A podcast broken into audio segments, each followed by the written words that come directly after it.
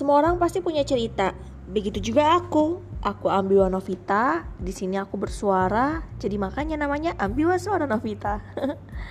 ada cerita sedih, ada cerita senang, ada cerita random, ada yang garing juga mungkin bisa aku ceritain bisa jadi tentang aku bisa jadi tentang kamu atau aku berpura-pura jadi orang lain ya nanti kita bakal lihat ceritanya seperti apa aku berharap dengan aku semakin bersuara aku bisa menemukan diri aku sendiri.